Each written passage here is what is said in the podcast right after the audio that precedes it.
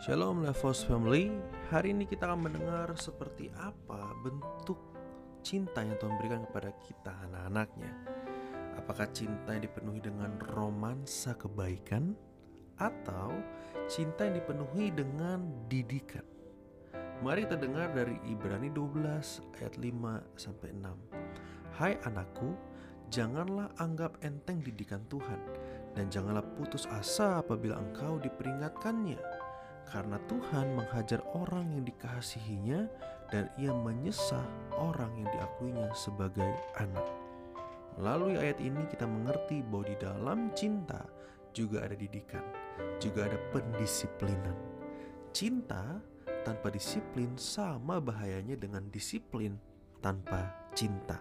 Nah, saya coba kasih ilustrasi, coba kita bayangkan jika ada seorang anak yang tidak pernah dimarahi, oleh orang tuanya walaupun ia bandel, pulang subuh, suka klepto, mencuri barang, nggak sopan sama orang tua, ngomongin membentak, dan orang tua itu tidak mendidik anak itu sama sekali dengan alasan karena mereka begitu mencintai anaknya jadi nggak tega kalau harus dimarahin anaknya.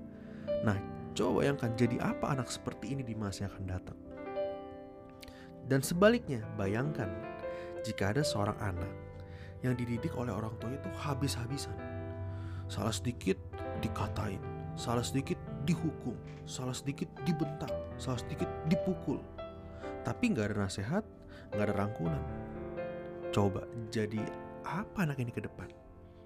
Bisa-bisa jadi generasi yang kepahitan dan luka dengan orang tua. Nah pertanyaannya adalah bagaimana mencintai anak dengan benar? Nah cintai dengan lembut, dan keras. Nah, dua poin ini, lembut dan keras. Ada kalanya kita lembut dengan mereka, kita kita lembut dengan merangkul mereka, menerima mereka, tapi ada kalanya juga kita perlu keras dengan mendidik mereka supaya mereka memiliki kedewasaan. Betul? Nah, Tuhan yang kita kenal sebagai Bapa yang memiliki kasih, yang adalah kasih itu sendiri. Nah, kasih yang ditunjukkan oleh Bapa adalah kasih yang lembut, tapi juga sekaligus kasih yang keras, yang penuh dengan didikan. Sebab seorang bapak ingin anak-anaknya menjadi anak-anak yang tangguh, yang kokoh, yang berakar, yang dewasa di dunia yang penuh jahat ini. Terkadang keadaan sesuai dengan keinginan hati kita. Tetapi terkadang juga alam mengizinkan keadaan-keadaan yang tidak sesuai dengan keinginan hati kita dan kita perlu melewatinya dengan perjuangan, dengan tangisan.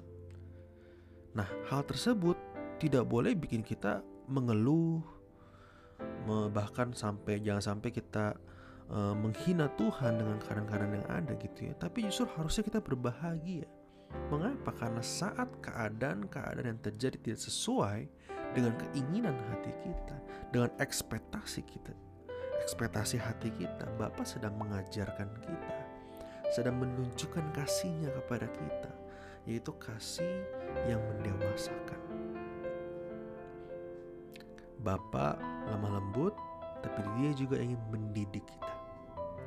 Nah, jika saudara ingin hidup dalam cintanya, hidup di dalam kasih Tuhan, berarti kita bersedia untuk tidak hanya dalam tanda kutip dimanjakan oleh Tuhan, oleh Bapak kita, tetapi juga bersedia untuk dididik.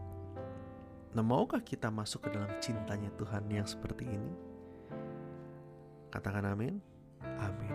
Tuhan menyertai kita semua. God bless you.